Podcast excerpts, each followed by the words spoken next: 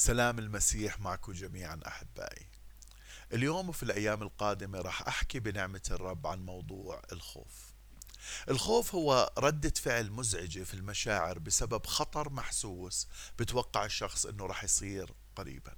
ممكن إنه يكون هذا التوقع صحيح وممكن يكون وهم. الخوف بصير لما أماننا بصير مهدد أو لما نكون مش قادرين أو مش متأكدين إنه احتياجاتنا راح تتسدد. الله أعطانا مشاعر الخوف أحبائي عشان نحمي حالنا من خطر معين. لأنه الخوف في طاقة محركة عشان تبعدنا عن الخطر. الخوف الطبيعي هو إشي منيح لأنه بحمينا من الخطر. الله أعطانا إياه عشان يحمينا. لكن بعد سقوط آدم بالخطية وبعد وراثتنا للخطية صار إبليس يستخدم الخوف عشان يحاربنا من خلاله ويقيدنا فيه. صار الخوف هو عدو إلنا وصار أقوى سلاح عند إبليس ضدنا هو الخوف. خطة إبليس من خلال الخوف أحبائي إنه يقنع الإنسان إنه يعتمد على حاله بتسديد احتياجاته إنه يصير الإنسان إله نفسه أو الله نفسه. ولأنه ما بيقدر الإنسان فعلا يسدد احتياجات حاله بروح بوقع بفخ الخوف.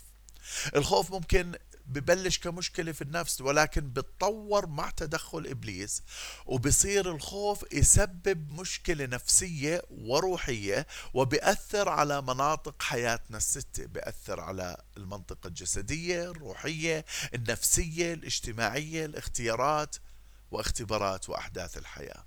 الخوف بيسيطر على أمر الحركة في الفكر. الخوف قادر إنه يشل حركة أي إنسان بتجاوب معه برد عليه. والخوف كمان قادر إنه يحرك أي شخص. هذا الشخص محتاج إنه يثبت لكن الخوف بحرك هذا الشخص عشان ما يكمل مهمته. بحركه من المكان لازم يثبت فيه ويكمل مهمته فيه لأي مكان آخر. الخوف قادر يحركه إذا بتجاوب معه وبرد عليه. الخوف أحبائي بيعمل على عكس مهمة مهمتنا. إذا لازم نثبت بحركنا وإذا لازم نتحرك بشل حركتنا. السبب وراء قدرة الخوف على السيطرة علينا أحبائي هو أنه الإنسان بطبيعته ما بحب الألم.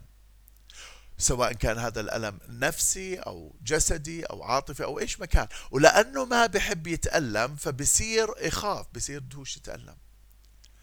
أقوى قرار انتصار على الخوف وروح الخوف إنه ما نخاف من الألم.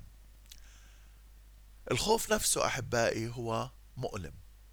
مؤلم لأنه بهدد حياتنا في أربع احتياجات أساسية أربع احتياجات نفسية عميقة موجودة في داخلنا موجودة في نفوسنا وبهددها الخوف. احتياج الحب احتياج القيمة الأمان والأهمية. بصير يعني إنه أنا خايف أفقد حب الآخرين.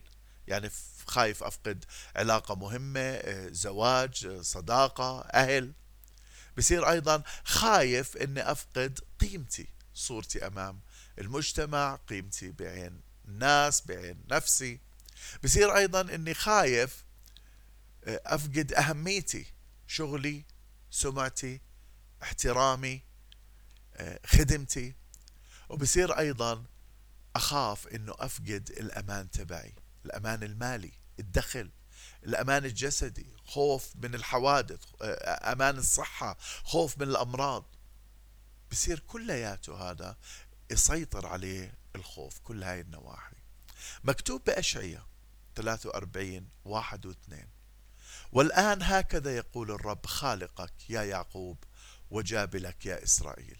لا تخف لأني فديتك. دعوتك باسمك أنت لي.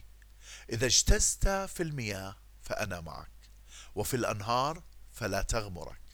إذا مشيت في النار فلا تلدغ واللهيب لا يحرقك. خلينا أحبائي ننتبه من الخوف ونبلش نحاربه ونتغلب عليه. راح أكمل في البودكاست الجاي عن الخوف. وراح أبني هاي الأفكار. وباسم يسوع الرب يساعدنا نتخلص من الخوف. الرب يبارك.